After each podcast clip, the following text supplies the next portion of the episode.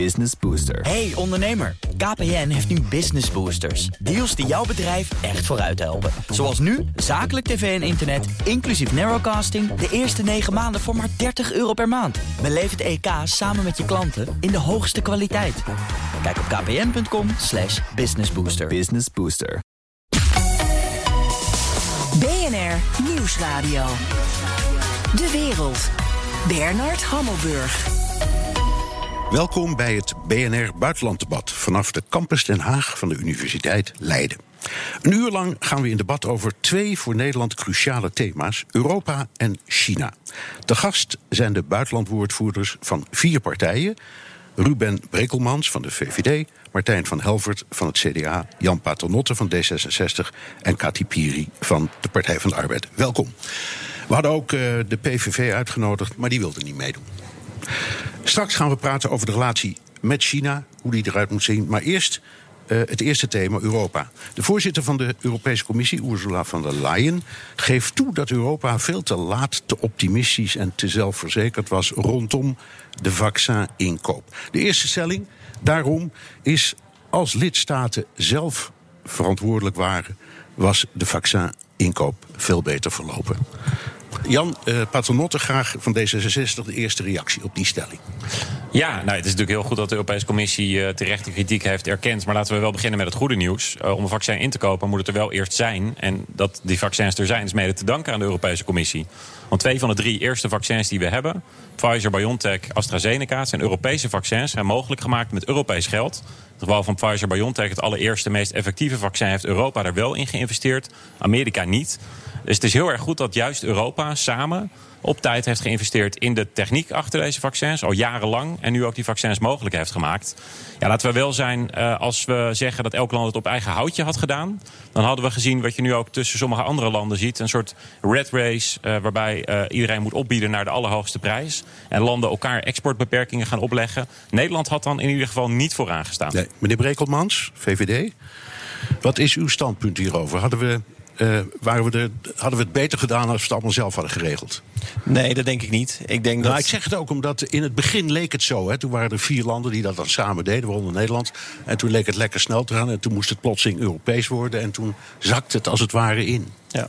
Nou, we hebben daarvoor natuurlijk al het voorbeeld van de mondkapjes gezien. Hè? Dat toen we ineens erachter kwamen dat we die heel snel nodig hadden, ging ieder land individueel probeerde dat zo snel mogelijk te doen. En dat werd ook een chaos, omdat ieder land elkaar probeerde af te troeven. Dus volgens mij zie je hier heel duidelijk dat we als Europa een gezamenlijk belang hadden, namelijk zoveel mogelijk vaccins inkopen. En dat je dat ook effectiever kon doen, omdat je de gezamenlijke marktmacht van Europa hebt versus uh, grote farmaceuten. Dus ik denk dat het goed is dat Europa dat heeft gedaan. Natuurlijk is dat in de praktijk niet vlekkeloos verlopen en valt daar ook veel van te leren voor de toekomst. Maar ik denk niet dat als landen het individueel hadden gedaan, dat dat tot een betere situatie had geleid. Martijn van Helver. Ja, landen in zijn algemeenheid weet ik niet. Maar de Nederlandse situatie is pijnlijk om te zeggen. Maar ik denk dat voor Nederland hadden we de, de eerste, um, eerste lichting wel sneller gehad. Want in principe hadden we het goed op orde. Ik weet dat ik in uh, maart al samen met collega Omzicht uh, vragen heb gesteld. omdat we vanuit Nederland ook extra zouden investeren in onderzoek naar het vaccin. En dat hadden we goed op orde.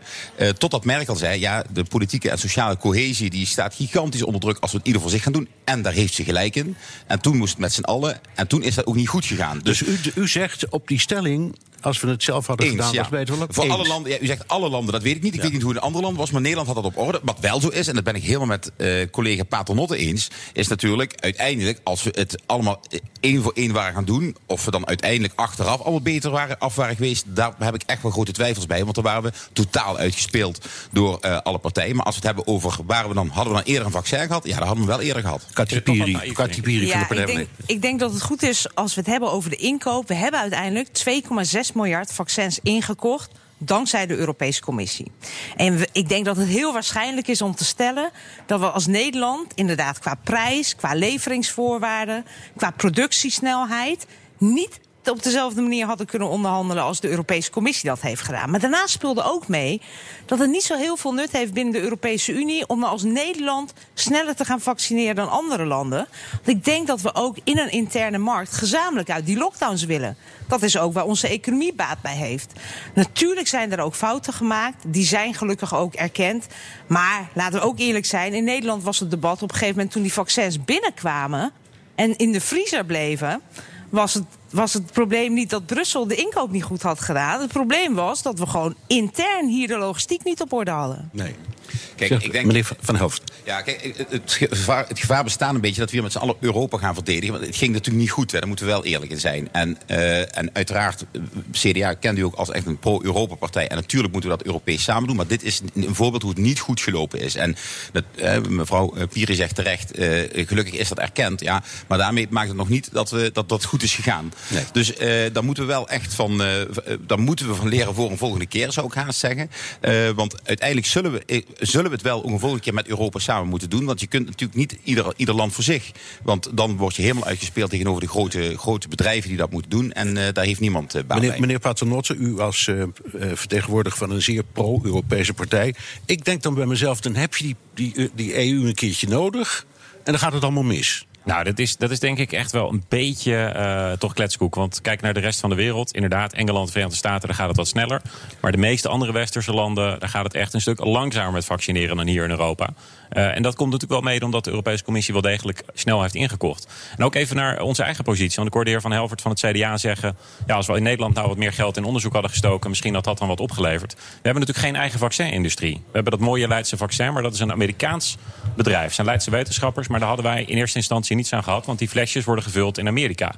Duitsland, Frankrijk, Zweden, die hebben inderdaad een eigen vaccinindustrie. Als het elk land voor zich was geweest, dan hadden die landen natuurlijk ook wel gezegd... ja, dan staan Wij wel vooraan. eerst, en dan staat ja. Nederland niet vooraan. Dus dat is waarom die Europese solidariteit zo belangrijk is. Ja, maar, kijk, ik als, je, als je kijkt, er zijn natuurlijk ook eh, meer dan 36 miljoen vaccins gewoon naar, van die in Europa zijn gemaakt. Uiteindelijk naar landen buiten Europa gegaan. Eh, als je kijkt, Israël, het Verenigd Koninkrijk, eh, die, zijn gewoon, eh, die, hebben, die hebben wel vooraan gestaan. Dus het had wel gekund. Maar ik, ik pleit dus niet dat we het allemaal alleen hadden moeten doen. Maar de stelling is, was Nederland sneller geweest als we destijds gewoon de jongen zijn eh, weg hadden laten gaan en Merkel had niet ingreep. Ja, dan waren Maar- we sneller Ja. geweest. Maar uiteindelijk, aan het einde van de rit, waren we er niet beter uit Maar de stelling is natuurlijk niet, was Nederland sneller geweest? De stelling is, hadden we, was de inkoop beter gegaan? Nou, dat betwijfel ik. Hè. We hebben uiteindelijk iedereen, voor iedereen in Europa... eigenlijk twee keer het aantal vaccins ingekocht wat we nodig hebben. Dus de inkoop was niet sneller geweest. Er zijn problemen ge- geweest natuurlijk met de levering... Dat is ook waarom we ook in het Europese parlement hebben aangedrongen op transparantie. Is de Europese Commissie misschien te soft geweest naar de Big Pharma over die leveringsvoorwaarden? Maar meneer Van Helvert, laten we serieus wezen. Denkt u nou echt dat de Nederlandse regering met AstraZeneca wel afspraken had kunnen maken waardoor die levering geen probleem was geweest? Dat betwijfel ik ten zeerste. Nou, als, als de stelling is, waren we sneller geweest? Ja, dan hadden we eerder eh, dat, eh, dit, het eerste eh, set vaccins gehad. Uiteindelijk krijg je dan dat alle landen eh, dat hadden willen doen. En, dan word je uitgespeeld. Dus uiteindelijk, zeg ik aan het eind van de rit, moet je dat met Europa doen. Maar ja, als je vraagt, waren we eerder geweest? Ja, we waren eerder geweest. Als Merkel niet had gezegd, ho, stop. Eh, aan de andere kant, als Van der Leyen het werk goed had gedaan... had het ook wel weer goed kunnen lopen. Dus eh, ik denk alleen dat vooral in Europa de fout is even, gemaakt. even de meneer levering. Brekkelmans, want die, die, die, eh, die staat ook te popelen om zijn mening te vertellen. Nou ja, we zijn natuurlijk ook afhankelijk van de procedures om vaccins toe te laten. En dat loopt gelukkig via de EMA. En die procedures die zijn heel zorgvuldig. En die hadden we als Nederland ook altijd gehad. En we zien dat daar in de UK en in andere landen dat daar wat nou ja, andere en- keuzes en in u, worden zegt gemaakt. dus, u zegt dus, eh, op dat punt functioneert de EU juist prima. Functioneert juist prima. En we moeten ons denk ik niet terugkijken en blind staren op die paar weken of die paar eerste procent die dan misschien net wat eerder had kunnen gaan. Het gaat erom dat we in dit jaar dat we onze hele bevolking vaccineren en dat we daar zo snel mogelijk dat we daar de juiste afspraken over hebben. Maar is dat nou echt zo? Een paar weken maakt volgens mij... Ik ben geen medicus, maar ik zie wel hoeveel mensen er overlijden. Dat, maakt wel kijk, uit. het, gaat, het gaat om de totaalafweging. Hè. Dus de heer Van Helvert zegt van we hadden misschien een kleine dosis vaccins hadden we in het begin wat sneller kunnen krijgen. Maar hij zegt er terecht bij ja, als er dat toe had geleid dat we voor die totaal, voor die miljoenen vaccins die we nu inkopen, slechtere afspraken hadden gemaakt. Ja. Dan waren we per saldo waren we slechter af geweest. Dus ik denk dat het goed is geweest dat de EU een rol in heeft gespeeld. Maar we moeten er inderdaad van leren, want het is niet vlekkeloos verlopen. En Het is inderdaad ook wel goed om naar onszelf te kijken. Want Nederland was op een gegeven moment Europees kampioen vaccins opslaan. in plaats van vaccineren. Dat heeft natuurlijk inderdaad er wel voor gezorgd dat heel veel mensen later een eerste prik kregen. Terwijl we weten dat die eerste prik al heel veel ja, bescherming biedt. Dus Ja. dat is wel degelijk iets waar Nederland ook naar zichzelf mag Ja. kijken. Ja, en daarnaast- nog naar de toekomst Ja, maar ik, kijken. wou eigenlijk. even, ik wou eventjes iets aan, aan jullie allemaal eh, vragen. En kijken hoe je er tegenover. Er wordt nu gesproken over een gezondheidsunie. Mevrouw Piri, is dat een goed idee? Nou ja, kijk, het is natuurlijk zo als het. Als ik het weet gaat... niet eens wat het is trouwens hoor, maar goed. Ja. Nou ja, het, heeft, het heeft iets met gezondheid te Ja, maken. dat zal wel. Wat het normaal, valt- het- gespro- het wat normaal gesproken ja. natuurlijk een enorme nationale bevoegdheid is. Hè? Hoe ga je om met je IC-capaciteit? Al dat soort dingen. Maar laten we serieus zijn. Als er nou één les te leren is, is het wel dat we eigenlijk op zo'n volgende pandemie, als die er gaat komen, wel veel beter voorbereid moeten zijn. En dan zijn we het er hier in ieder geval met deze vier partijen er wel over eens dat je dat soort inkoop, dat je dat niet alleen moet gaan doen, maar echt met de Europese Unie samen. Dus ik denk, we moeten niet denken dat onze hele gezondheidszorg nu straks naar Brussel moet worden overgeheveld. Ik denk dat dat grotendeels een nationale bevoegdheid is. Maar met dit soort uitdagingen, waar niet alleen Europa, maar de hele wereld mee te maken heeft, dat we nu afspraken maken naar de toekomst toe. Hoe we er straks beter op voorbereid kunnen zijn, een betere coördinerende rol kunnen hebben van de Europese Commissie.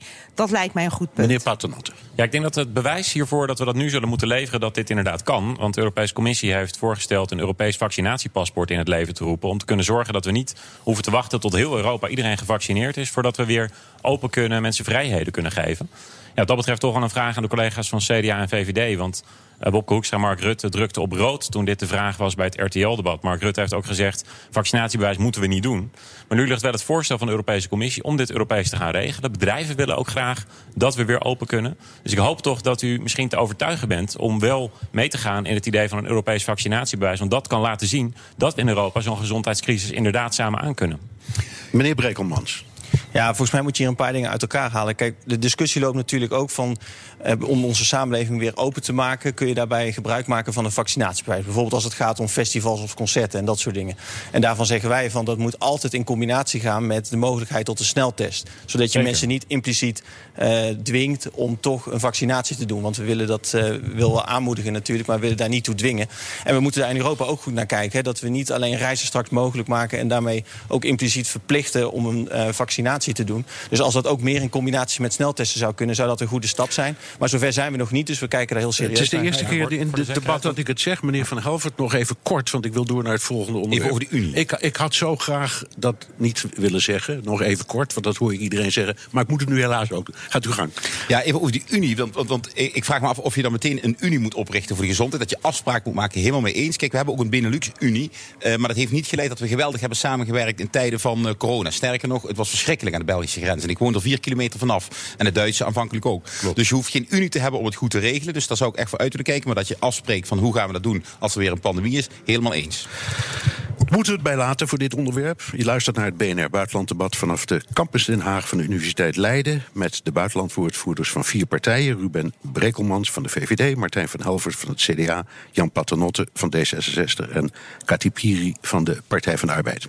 De coronacrisis is het moment van de waarheid voor de EU, zou je kunnen zeggen. Er is nu een corona-noodfonds, maar wat doen we nou als dat niet voldoende is? De stelling is daarom: als EU-lidstaten opnieuw om hulp vragen, moet Nederland niet gaan zeuren over de voorwaarden. Mevrouw Piri. Nou, wat we eigenlijk net hebben bereikt, is een heel moeizaam akkoord over een zevenjarig begroting van de Europese Unie en een 750 miljard corona-herstelfonds. Dus ik vind het een beetje voorbarig, zeg ik erbij, om nu al te spreken over hebben we nou meer nodig? Als we zien eigenlijk dat de Nederlandse regering nog niet eens de plannen heeft ingeleverd wat Nederland gaat doen met die 5,5 miljard die wij krijgen. Ja, maar je kunt, u, u hebt het allemaal steeds over voorbereiden op de volgende pandemie, leren, lering trekken uit wat er is gebeurd. Eigenlijk valt deze stelling in het verlengde daarvan. Het kan weer misgaan en dan hebben we misschien weer geld nodig. Nou ja, laat ik eerst zeggen, wat, want er is echt wel een verschil tussen onze partijen hoe we instaan over hoe het de afgelopen Europese top is gegaan. Waarbij, denk ik, Nederland niet de meest constructieve rol heeft gespeeld in de totstandkoming. Natuurlijk mag je voorwaarden stellen. Voorwaarden bijvoorbeeld dat je de investeringen die je doet, investeert in een groene transitie. Dat je de rechtsstaat respecteert. Ik ben daarvoor. Maar wat zagen we wat de Nederlandse minister-president ging doen? De Nederlandse minister van Financiën, Wopke Hoekstra. Die gingen uiteindelijk zuidelijke lidstaten, terwijl de IC's overliepen, de, de mortuaria vol zaten, gingen zij bepleiten om eigenlijk nog extra te gaan bezuinigen voor een crisis waar niemand op zat te wachten en waar niemand iets aan kon doen.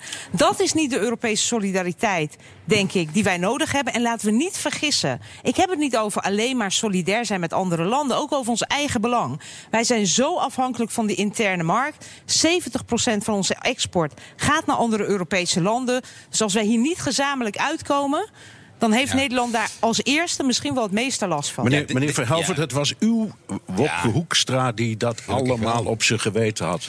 Ja, kijk, dit is dus echt een hele verkeerde insteek. Hè? Want eh, het feit dat Wopke Hoekstra naar Europa gaat om te overleggen... wil al aangeven dat we er samen uit willen komen. Dus anders was hij niet gegaan. Tuurlijk willen wij andere landen helpen. Maar als, maar, al- maar als dat betekent dat je geen voorwaarden mag stellen... en ook niet streng mag zeggen van... hé hey jongens, wat gaan we met dat geld doen? En zou je wel niet ook orde op zaken Het, stellen het financieel? debat gaat lekker, want u krijgt de drie anderen aan het lachen op dit moment. Nee, maar, maar, maar het is wel zo. Wopke had Kijk, ook niet het gaat- kunnen gaan, maar- zegt nee, maar- het CDA. Nee, maar, Hammelburg, maar De diepste crisis maar in Hammelburg, in- we mogen toch wel, als het om ons belastinggeld gaat, mogen we toch wel zeker voorwaarden stellen en dat we dat uit willen geven. En als eh, we het echt niet hadden gewild, ja, dan waren we daar niet gaan praten over, over een herstelfonds. En als je ziet wat we in dat fonds uiteindelijk gedaan hebben, is dat heel goed. En ook de voorwaarden die Wopke daar eruit heeft gesleept, die zijn gewoon hartstikke goed. En weet je wat echt slecht is voor Nederland, is als daar de minister van Financiën het land zit te verdedigen, ook de Nederlandse belastingcenten zitten te verdedigen, dat er hier een paar linkse partijen gaan roepen, jongens, jongens, je moet snel weggeven dat geld, snel weggeven dat geld. Want dat was e- eigenlijk wat er gebeurde op dat moment. Nou, ik vraag- Hoekstra, zit. Hoekstra zit te onderhandelen Ja. en hier zitten mensen te zeggen, jongens, geef dat geld weg. Meneer dat is echt heel Brekelmans, lastig. meneer Brekelmans zegt, het was uw premier die dit allemaal op zijn geweten had.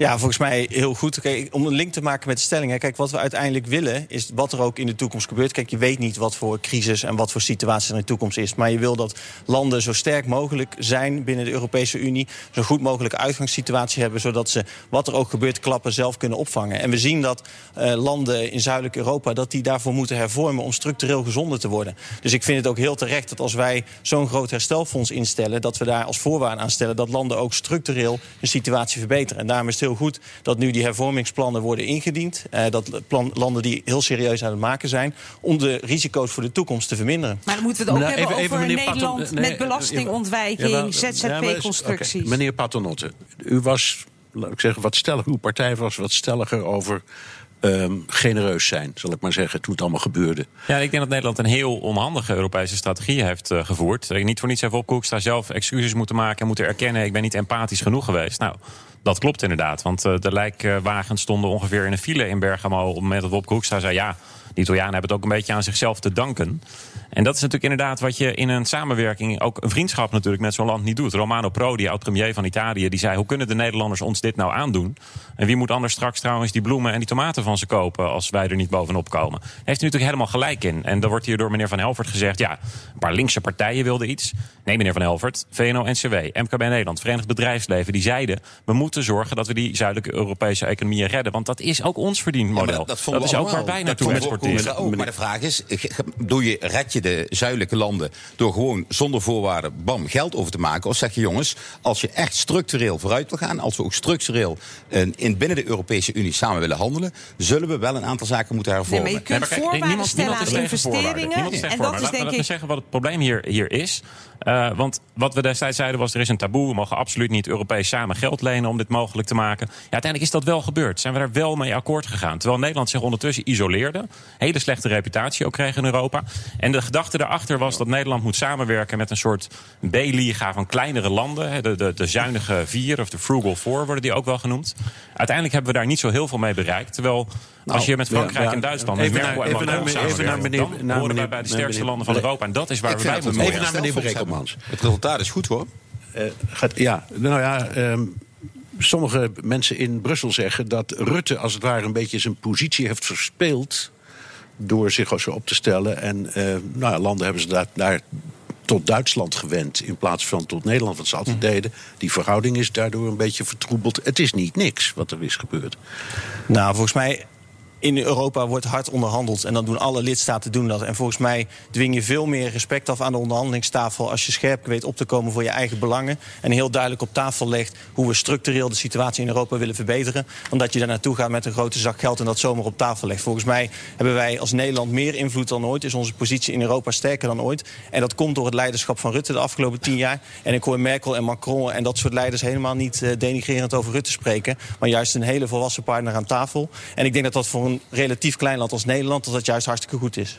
Mevrouw Ja. Piri, u behoort dan tot die linkse partijen die alles saboteren en eh, nou ja, Ja, ik moet wel een beetje lachen als ik dit dat hoor. zag ik, want- daarom zeg. Want u, u, had, u had denk ik toch echt de Duitse kranten moeten lezen. En als we het nou hebben over, over strategie, Nederland. Over Ja. Nederland. En ook trouwens de uitspraak van Angela Merkel, die volgens mij het woord kinderachtig gebruikte over hoe de Nederlandse premier zich opstelde in Brussel. Dus strategisch is het denk ik niet zo slim om je niet alleen tegen de zuidelijke landen, maar ook gewoon echt tegenover Berlijn en tegenover Parijs totaal eigenlijk uit het spel te plaatsen. Dat is strategisch. Ik denk ook inhoudelijk dat je eigenlijk moet constateren dat Nederland de punten die we hadden moeten binnenhalen op de meerjarenbegroting was meer investeringen in een moderne economie. Meer veel hardere eisen stellen op de rechtsstaat. Dat zijn allemaal punten die de Tweede Kamer belangrijk vond, maar die uiteindelijk niet zijn binnengehaald in Brussel. En uiteindelijk kon de premier thuiskomen. Nou, we hebben wel een korting hoor voor Nederland. Ja, dit is wel een hele korte termijn politiek. Die ons uite- uiteindelijk, als een van de oprichters van de Europese Unie. zou je denken dat Nederland niet alleen maar nee moet zeggen tegen voorstellen. maar ook gewoon zelf eens een keer met constructieve bijdrage moet komen. heb- voor die Europese Ik wou nog één één vraagje stellen aan meneer Paternotte. Als nou eh, er een formatie zou komen en deze kwestie kwam op tafel, gaat, wat doen wij als? Zou dat voor u een breekpunt zijn als niet a priori de partijen zeggen: dan gaan wij niet meer zeuren, dan doen we gewoon mee? Nou, het is natuurlijk heel erg lastig om aan de voorkant eh, in de formatie vast te leggen wat, er, wat je moet doen als er een crisis komt waarvan we nog niet weten of die er komt. Nou ja, iedereen, ieder van u zegt: we, we trekken lessen voor de volgende keer. Dus Ja, ik ga kijk. er maar even vanuit. Ik constateer wel dat eh Wopke Hoekstra heeft in feite gezegd... ik heb het verkeerd gedaan, ik was niet empathisch genoeg. Nou, dat klopt. Dus ja, we zullen inderdaad wel moeten afspreken... dat Nederland dit een volgende keer slimmer en beter doet. Want ons isoleren in Europa levert inderdaad helemaal niets op. En Kati Piri heeft ook gelijk. Wat is nou de bezuiniging op de Europese begroting geweest? We staan hier op een universiteit... Kennis eh, is ongelooflijk belangrijk. Nederland is de grootste netto-ontvanger van investeringen in onderzoek. Dat is ook waar we in de toekomst ons geld mee zullen moeten gaan verdienen. Door de slimste van de wereld te zijn. En juist daar is die bezuiniging op de Europese begroting op geweest. Dus ja, dat is eh, wat de Britten zouden noemen penny wise, In, in, pound foolish. in dit rondje krijgt meneer Van Helvert heel kort de laatste. Ja, kijk, uiteindelijk dat je in de toon dat je daarvan leert, heeft Hoekstra ook zelf gezegd. Maar uiteindelijk zullen we ook bij een volgende keer wel onze voorwaarden moeten stellen. Want wat het punt was, we kunnen niet over de rug van een crisis, kunnen zuidelijke Europese landen niet iets proberen binnen te halen wat ze altijd al wilden. Hulp bij een crisis, daar moeten we altijd voor openstaan. Dat heeft Wopke ook laten zien. Maar iets binnenhalen voor die zuidelijke landen wat ze altijd al wilden, omdat er crisis is, daar gaan we niet mee akkoord. Dat was het thema Europa voor nu. Straks gaat het BNR Buitenlanddebat verder. Dan discussiëren we over de relatie met China. BNR Nieuwsradio. De wereld. Bernard Hammelburg. Welkom terug bij het BNR Buitenlanddebat vanaf de campus Den Haag van de Universiteit Leiden.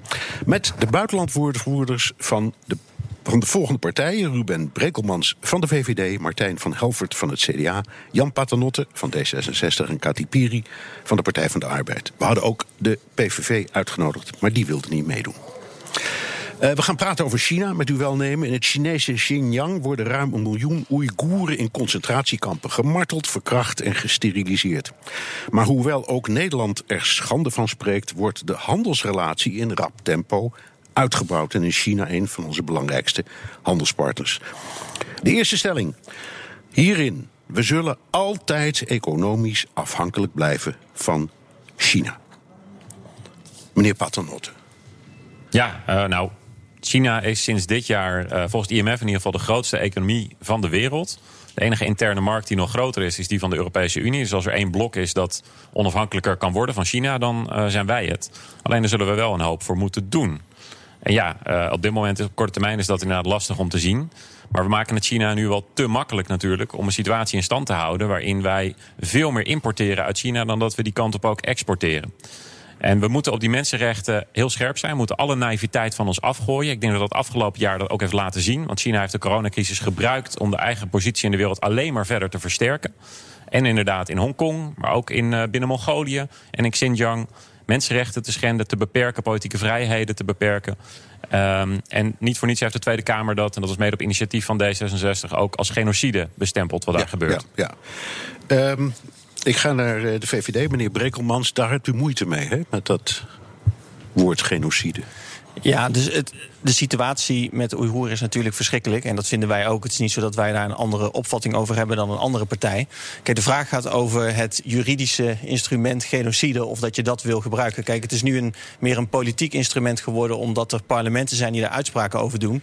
Maar eigenlijk het meest zware juridische term die er bestaat, volkerenmoord. Je wil dat dat ook op een neutrale wijze wordt vastgesteld. Uh, door een gerechtshof of door de VN. Uh, dus wij hebben gezegd van ja, maak dat nou niet een politieke discussie op deze manier door dit instrument zo toe te passen. Maar zorg dat dat eerst op een juridische okay, maar wordt vastgesteld. De, de, los, los daarvan, de onderliggende vraag is... kun je uh, de, de afhankelijkheid van China zo laten als die is terwijl dit soort vreselijke dingen gebeuren. Daar ging, of je het nou genocide noemt of niet, dat laat ik dan even in het midden. Nee, daar, daar ben ik het helemaal mee eens. We moeten onze afhankelijkheid van China moeten we verminderen. Uh, deels vanwege de mensenrechten, maar ook omdat we eigenlijk in alle onderhandelingen met China die we doen, staan we zwak. Omdat we zo afhankelijk zijn. Uh, dat geldt voor uh, bijvoorbeeld grondstoffen die voor ons heel essentieel zijn. Voor het maken van windturbines, voor het maken van mobiele telefoons. Voor producten die in onze economie essentieel zijn. Meer dan 95% importeren wij daaruit uh, vanuit China. En als dat zo blijft, ja, dan blijf je uiteindelijk aan de onderhandelingstafel altijd zwak staan. Want China weet, Europa is in dat opzicht uh, in grote mate afhankelijk van ons. Dus daar zullen we wat aan moeten doen de komende jaren. Ja, kijk, China geeft ons natuurlijk een mooi inkijkje hoe zij, hoe zij de wereld zien. Ja. En uh, als, of je nou naar Hongkong kijkt, naar Tibet, naar Oeigoeren, naar de situatie van christenen al daar. Uh, zij willen op die manier de wereld, zo zien zij de wereld en zo willen zij ook in andere landen dat graag doen. En wij zijn eigenlijk, we hebben gedacht, nou weet je wat, we laten ze toe tot, tot tot, tot een aantal grote multilaterale platforms. En dan worden ze wel zoals wij in Europa, maar dat is dus niet gebeurd. En uh, dat is wel heel gevaarlijk, want ze krijgen wel op een hele ja, uh, haast onzichtbare manier krijgen ze steeds meer invloed in Nederland. Het gaat via decentrale overheden, maar ook via de landelijke overheid. Toen de minister van Buitenlandse Zaken van China vorig jaar hier op bezoek was, zie je al dat wij ons aanpassen. Doordat minister Blok zegt: Ik vertel het maar niet, ik ontvang hem stiekem. Op de Chinese manier ontvangen we hier een minister van Buitenlandse Zaken. En op die manier passen wij ons steeds meer aan de Chinese manier van doen. En daar ben ik gewoon op tegen. En als uh, de VVD dan zegt, ja, genocide, dus moet je dat juridisch, is dat politiek? Ja, daar hebben die mensen natuurlijk helemaal niks aan aan dat gebabbel. Die mensen worden daar gewoon massaal vermoord. En, op dat, en uh, de Geneefse conventie verplicht ons, als er al een vermoeden is van genocide, om daar iets aan te doen. En dan hebben we er niks aan te zeggen of het nou een politiek of een juridisch middel is. Mensen worden daar op grote schaal vermoord omdat ze Oeigoer zijn. En als ze dan vluchten naar Nederland, worden ze hier in Nederland nog bedreigd door de Chinese overheid. Ja. En dat mogen even, we gewoon even, niet accepteren. Even gewoon zo uit mijn hoofd, maar volgens mij staat in uh, de VN-definitie staan een paar dingen. Uh, eentje is um, uh, sterilisatie, wat op grote schaal gebeurt tegen een bepaalde groep. Um, en het isoleren of opsluiten en martelen van een bepaalde groep. En daarmee voldoet het dan aan de definitie, althans die van de VN. Ja. Klopt toch, uh, meneer Paternotte? Ja, het geboortecijfer in Xinjiang is met meer dan de helft afgenomen. Dus als je daar even over nadenkt, er zijn zoveel vrouwen in Xinjiang gesteriliseerd... dat minder dan de helft van het aantal kinderen geboren werd... ten opzichte van tien jaar geleden. Ja, dat past inderdaad precies binnen de VN-definitie van genocide. En dat is wat ik echt niet zo goed snap aan de VVD. Het lijkt zelfs bijna een soort van ja, naïviteit of het vooropstellen misschien van die handelsbelangen. Maar we moeten toch erkennen dat dit genocide is. En als ik kijk naar maar de China voordat ik naar meneer Brekelmans gaat, ook u hoe we er allemaal ook over praten, kunt niet ontkennen dat die handel gewoon doorloopt. Ja, ja maar ik denk. Ja? Zeker, maar wat wij ook doen is ervoor zorgen dat we uh, bouwen aan een Europa wat daar veel minder van afhankelijk is. Dat betekent investeren in innovatie, maar bijvoorbeeld ook handelsverdragen sluiten met andere democratieën. Met andere landen op de wereld die wel ook vrij zijn. De afgelopen jaren bijvoorbeeld met Japan, met Canada, wat ons betreft ook met Zuid-Amerika. Ja, dat is belangrijk, want als je uh, tegen die landen zegt we doen dat niet meer, dan trekken ze in Beijing champagne open. Want dan zien ze dat de westerse wereld, de vrije wereld, verdeeld is. En dat is wel echt een vraag die ik aan mevrouw Piri heb. Want de Partij van de Arbeid heeft de afgelopen jaren zich gekeerd tegen handel met Canada, tegen handel met Zuid-Amerika, tegen handel met Japan. Ik hoop echt dat de Partij van de Arbeid daarop terugkomt, want dat verdeeldheid in de vrije wereld, verdeeldheid onder democratie. Mevrouw Piri, u, bent, u bent gewoon tegen handel. Nou, dat, ik begrijp dit, dan. Dit is een hartstikke leuk debattrucje. We hebben het over China en over de mensenrechten schendingen ja. daar.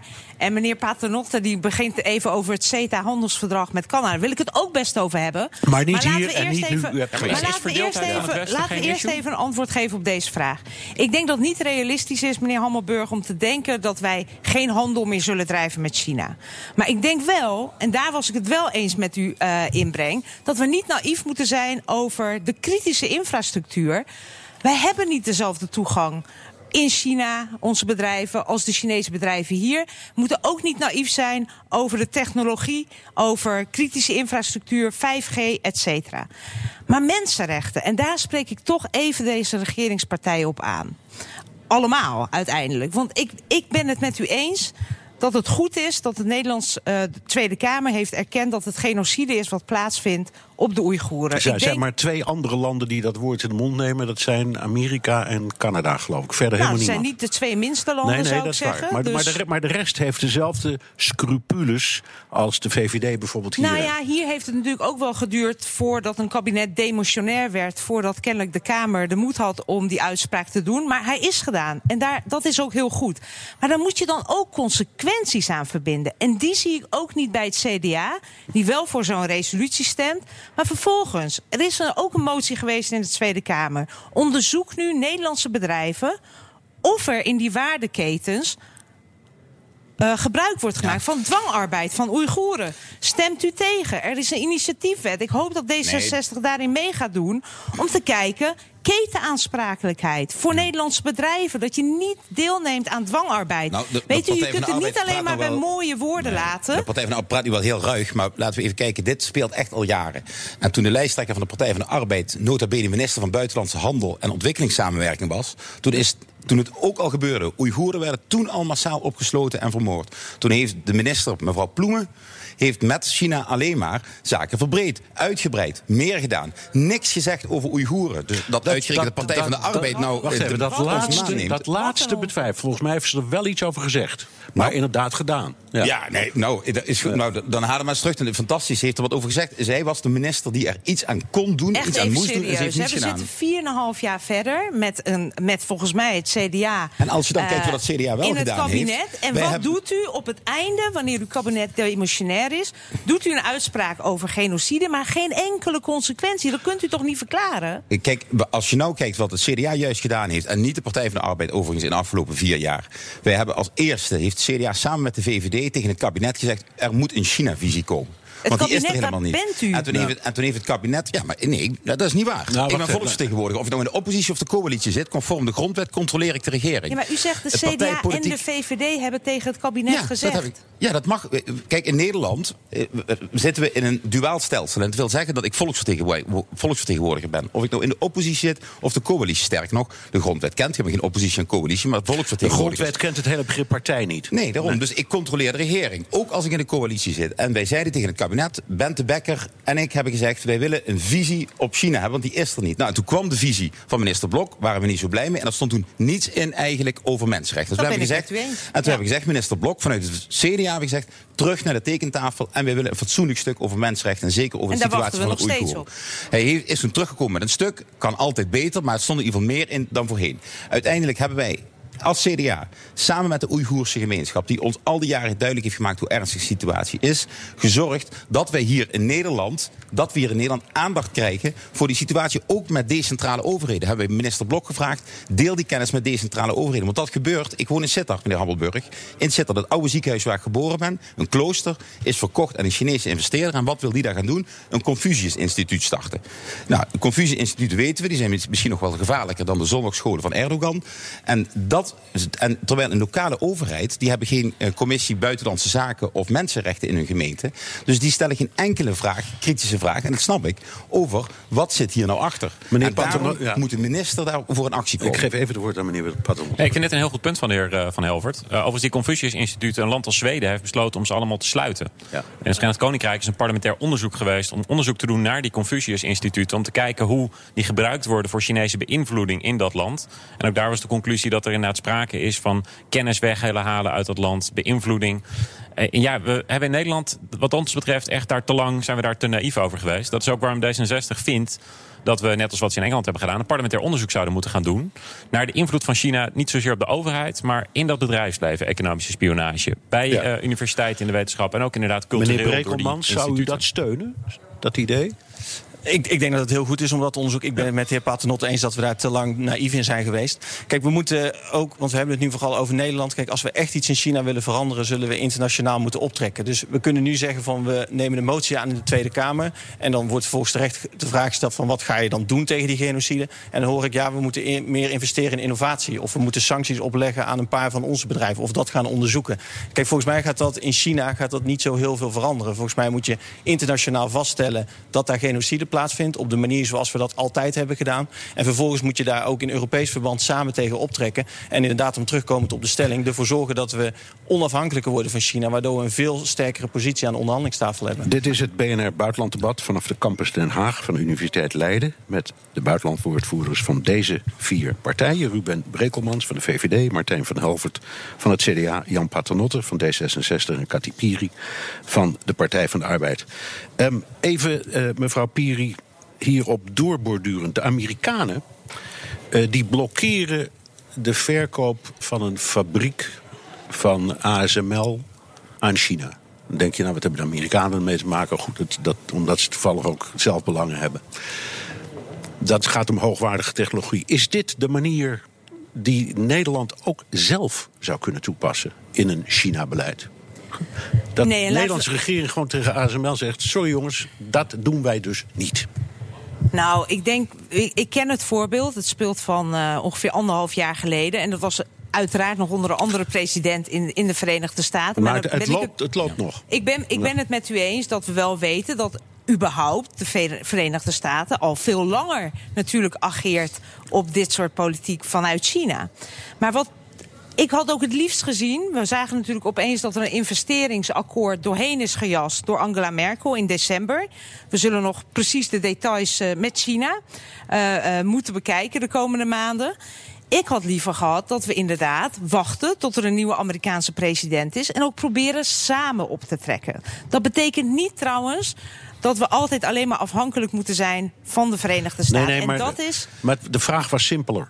Um, zou, Nederland, zou, nee, zou Nederland, ik meneer Van zou, Nederland wel sterk zou Nederland gewoon tegen ASML moeten zeggen: jongens, gebeurt niet. Kijk, Wij verbieden het jezelf. Nederland zou dat wel moeten kunnen en dat kan ook, want Europa heeft er eigenlijk best wel goede dingen gedaan. Want Europa heeft namelijk dat screeningsmechanisme uh, gemaakt, ook voor investeringen. En dat zou je ook kunnen doen bij bedrijfsovernames. En alleen het punt is: de, de zwakte van Europa zit niet in Brussel, maar bij de lidstaten. En wat je ziet is dat minister Blok dat eigenlijk nog steeds niet geïmplementeerd heeft, dat screeningsmechanisme. En dat zou je wel moeten doen. We hebben daar ook een aantal keren naar gevraagd: van hoe staat dat, waarom doen we dat niet?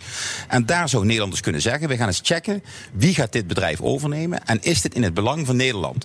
En ja, daar moet Nederland dus wel dat mechanisme wat Europa goed bedacht heeft, er komen echt ook hele goede dingen van Europa, moet Nederland wel implementeren. Ja, meneer Brekelmans, zou ja, u zeggen: ik verbied ASML om, uh, om een fabriek te openen in China? Nou, het, het, gaat over de export van de machines die ja. zij maken. Kijk, aan de ene kant vind ik dat we wel kritisch moeten kijken naar welke kennis, welke technologie we naar China in, uh, exporteren. Want dat is uiteindelijk waar zij dan weer hun strategisch voordeel mee kunnen doen. Aan de andere kant, het risico is het heel, heel groot dat als je dat als Nederland doet voor een bedrijf hier, dat het bedrijf zegt, nou dan ga ik naar Duitsland of dan ga ik naar een ander land. En dan ga ik vanuit daar naar China in, uh, exporteren. Dus dan benadelen we onze bedrijven hier in Nederland heel sterk. En het uiteindelijke effect is dat die machines nog steeds naar uh, China gaan. Dus ik zou dit soort dingen zou ik zeker kritisch naar kijken. Maar ook hier weer in eerste instantie in Europees verband. Want dan kun je veel betere veiligheid. Begrijpen terug, meneer Paternotte, steeds terug naar de EU hè, bij dit ja, soort ingewikkelde dingen. Ja, ja, nou, het is opmerkelijk. Dus vul het eens aan. Want er zijn ook binnen de EU-landen die er heel anders over denken. Hongarije bijvoorbeeld, die kopen nu het Chinese vaccin. Die hebben hele andere opvattingen over dit soort dingen. Dus je kunt wel zeggen, nou, als Nederland doen we het niet. Dat moet Europees, maar ik zie een Europese landen er helemaal niet aan meedoen. Ja, dit is een van de redenen waarom wij natuurlijk willen dat in het Europees buitenlandbeleid niet een paar landen uh, een lijn kunnen blokkeren. Uh, want dat is inderdaad wat China op dit moment doet. Invloed uh, in Italië, in Hongarije veel landen die van Chinese steun steeds meer afhankelijk zijn. En op die manier eigenlijk in feite directe invloed in de Europese Raad kopen. Nou, om dat tegen te gaan zou je af moeten van de, het veto op Europees buitenlands beleid. Uh, maar sowieso inderdaad uh, die naïviteit... Even, even voor de, de, gewone luisteraars en mijzelf. U zegt van het veto, leg even uit. Wat moet er dan veranderen? Nou, dat in ieder geval niet één Europees land kan blokkeren... dat Europa als geheel samen Juist. ten opzichte van de rest van de wereld actie onderneemt. Want dat zullen we echt nodig hebben. Maar dan ja, moet dan Europa bijvoorbeeld is... per meerderheid? Wat zei Dan per meerderheid? Of per gekwalificeerde meerderheid lijkt ja. mij uh, logisch. Maar in ieder geval, uh, ja, wat je nu te vaak ziet... dat een land als Hongarije een enorme invloed heeft... en China op die manier ja, Europa vleugellam kan maken via invloed op één land. En er is in 27 lidstaten natuurlijk altijd wel een land wat uh, uit uh, eigen belang overwegingen uh, denkt van laten wij maar loyaler zijn aan China dan aan onze Europese vrienden. Ja, maar meneer Brekelmans, u, u zei het moet Europees. Als je dit zo hoort, dan denk je, maar het kan helemaal niet Europees. gebeurt gewoon niet. Dus het, het, wat u zegt, van als, als wij het niet doen, dan doet het andere Europees land het wel. Dat, dus het moet Europees, dat gaat dus helemaal niet gebeuren. Nou, ik ben het in dat, dat voorstel van Paternotte zijn wij het mee eens. Kijk, laten we beginnen met bijvoorbeeld mensenrechten schendingen... of als het gaat om het instellen van sancties. Dat je in dat soort vormen van buitenlandbeleid... die heel elementair zijn en nu vaak in de praktijk... inderdaad door één of twee lidstaten worden tegengehouden... dat we daar richting een gekwalificeerde meerderheid gaan. Uh, en laten we dat dan eerst doen en vervolgens kijken... kun je altijd nog kijken of dat ook op meer terreinen zou moeten. Uh, dus daar ben ik het mee eens. Op dit moment is het heel moeilijk voor Europa om als geopolitieke speler te acteren en tegen China op te treden. als er één klein land het hele Europese buitenlandbeleid kan ja, tegenhouden. Mevrouw Piri, ziet u een mogelijkheid? Want u kent, nou ja, de, de EU als uh, geen ander van ons allemaal, denk ik. Nou, en, ik denk en, dat en ook Hongarije, als ik het zo mag zeggen. ja. Komt u bekend voor? Helaas wel, ja. ja. Nou, ik denk dat het uh, uh, heel goed is om te horen dat de VVD, want het heeft lang geduurd, ook vindt dat je inderdaad af moet van die unanimiteitsregel dat alle 27 akkoord moeten gaan op het buitenlands beleid. Dus dat is denk ik echt een pluspunt. En je ziet dat ook en hoort dat ook steeds vaker. Maar nou, wat ik ook hoor. Jaar, hoor. Dat, uh... Het was voor mij voor het eerst dat ik het in uw verkiezingsprogramma zag terugkomen. Wat je ook hoort. Maar en wacht dat even, de, wacht even. In het algemeen, de bedoeling van het debat zoals we dat nu doen, is toch overtuigen van een ander? Ja, nee, ik ben ja. dus ontzettend blij dat... Dus dat is dus prachtig. Ik begon dus ook met een compliment ja. richting de VVD. Zijn, meneer Hammelburg, als uh, de VVD Maar wat je wel ziet, is dat te vaak... en dat hoor ik uh, nu de VVD toch ook doen... Europa wordt gebruikt als excuus om nationaal maar niks te doen. En vooral minister Blok was er eigenlijk heel goed in de afgelopen vier jaar. Wat je zag is dat Frankrijk, Duitsland, Zweden... gewoon nationale wetgeving gemaakt om te zeggen... wij willen op onze nationale markt geen producten hebben die met dwangarbeid zijn gemaakt. Op het moment dat daar een oproep toe was door een aantal partijen in de Tweede Kamer, hoor je Blok zeggen: ja, dat moeten we maar niet nationaal doen. Dat doen we wel in Europa, maar daar krijgt hij het vervolgens niet voor elkaar. En uiteindelijk gebeurt er dan niks. Nee. Nou ja, dat Mag was... nog één, één concreet punt wat we Ja, wel kunnen doen? hè? En dat hebben we ook wel opgepakt. En dan wil ik toch ook even naar de collega's van D66 kijken. Samen met Sjoerdsma hebben wij eh, de magnetiewetgeving voorgesteld. En we hebben gezegd, probeer daar draagvlak voor te vinden in Europa. En als dat niet lukt, gaan we het eh, in Nederland doen. Nou, we moesten meneer- minister Blok even aandraaien. Maar toen hij eenmaal op gang was, moeten we zeggen... heeft minister Blok dat goed gedaan. En hij heeft daar een meerderheid voor gekregen. En je ziet dat op Europees niveau een soort van Magnitsky-wetgeving is. En dat wil zeggen dat je dus mensen die mensenrechten schenden... ergens, kan in China zijn of in Rusland of waar dan ook... dat je die persoonlijk aan kunt Ja. pakken... in plaats van dat je het land aanpakt. En dat is iets, dat is echt heel goed. Ook goed van minister Blok, goed van meneer Sjoerdsma... goed van collega Omtzigt en goed van onze fractie... eh, dat dat erdoor is gekomen. Want daardoor, want we zijn ook niet tegen handel met China... maar wij hebben vooral kritiek op hoe de communistische partij... natuurlijk daar aan de slag is. En de mensen in die communistische partij. En die willen we aanpakken. Want China is natuurlijk een prachtig land... waar we het liefst een hele goede relatie mee hebben. Maar wel op basis van een gelijk speelveld en eerlijke afspraken. En daarom moeten we die mensen in die communistische partij... die mensenrechten schenden, die moeten we persoonlijk aanpakken. En dat kan dankzij het voorstel van de heer Sjoerdsma en Oké, ik, ik, ik, ik ten slotte, want we, zijn, we hebben nog eh, twee minuten, het is klaar. Dus allemaal heel kort als het even kan. Een, een, een derde of twee derde van de terminal in Rotterdam is eh, Chinees. De haven van Piraeus is helemaal Chinees. Dus waar hebben we het eigenlijk over, mevrouw Piri? Dat is de werkelijkheid. Ja, en je ziet ook inderdaad, uh, we weten dat er 17 landen zijn in de Europese Unie die ook inderdaad die nauwere banden hebben de afgelopen jaren hebben aangehaald met China. Je ziet ze trouwens wel terugkabbelen. Ik denk inderdaad dat die naïviteit bij heel veel Europese landen weg is. Maar dit is, meneer Hammelburg, een van de grote problemen eigenlijk in de Europese Unie. Als je niet gezamenlijk een vuist kan maken tegenover China, tegenover Rusland, tegenover Turkije, dat je constant verdeeld bent, ja, dan moet je sommige dingen ook gewoon soms nationaal of met een coalitie van landen aanpakken, zeg ik als enorme pro-Europeaan. Meneer Breukelmans, uiteindelijk het, het blijkt de hele uitzending, het hele debat te gaan over Europa. Hè, daar komt het op neer. Ook dit moet weer naar Europa. Bent u daarmee eens? Ja, maar ik ben het ook wel eens met uh, wat mevrouw Piri zegt. kijk, je kunt natuurlijk als Nederland kun je soms ook zelf dingen doen of met omringende Europese landen. Alleen je moet altijd jezelf de vraag stellen: is het effectief? Ja. Dus als het niet effectief is omdat een bedrijf. Nou ja, maar misschien, eh, misschien moet je ook af en toe zeggen: is het principieel, behalve effectief? Dat Je kan kunt, ook. je, kunt, je kunt soms kun je laten zien waar je voor staat en daar een uitspraak over doen. Maar we zijn ook in Nederland in de Tweede Kamer wel heel erg geneigd om te denken dat een motie in de Kamer de wereld verandert. Terwijl de situatie misschien wel een averechts effect heeft. En dan meneer kies ik voor het effect. Ja, ik, ik denk uh, Nederland moet natuurlijk gewoon laten zien uh, dat wij ook durven voorop te lopen. Als we zien dat Zweden ook Confucius-instituten sluit, Engeland een parlementair onderzoek doet. Daarom willen wij dat inderdaad ook. Maar ja, ik ben een enorme fan van Europa. We moeten wel ook naar de rest van de wereld kijken. Joe Biden wil een conferentie van alle democratieën deze zomer. Hartstikke mooi. Maar laten we dan ook de lijnen naar die landen open houden. Helaas van de Partij van de Arbeid geen antwoord gehoord op de vraag waarom ze tegen handel met Japan, Zuid-Amerika en Canada hebben gestemd.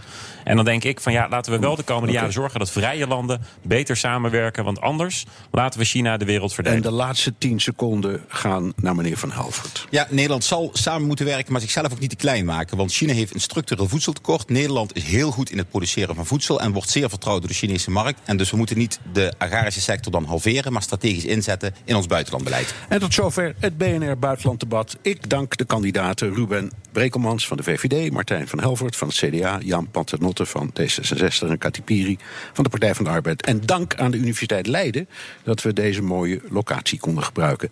Het debat is terug te luisteren via de site, de app, Spotify of Apple Podcast. Reageren kan via mailtje naar dewereld.bnr.nl. Tot volgende week. Business Booster. Hey ondernemer, KPN heeft nu Business Boosters. Deals die jouw bedrijf echt vooruit helpen. Zoals nu, zakelijk tv en internet, inclusief narrowcasting... de eerste 9 maanden voor maar 30 euro per maand. Beleef het EK samen met je klanten in de hoogste kwaliteit.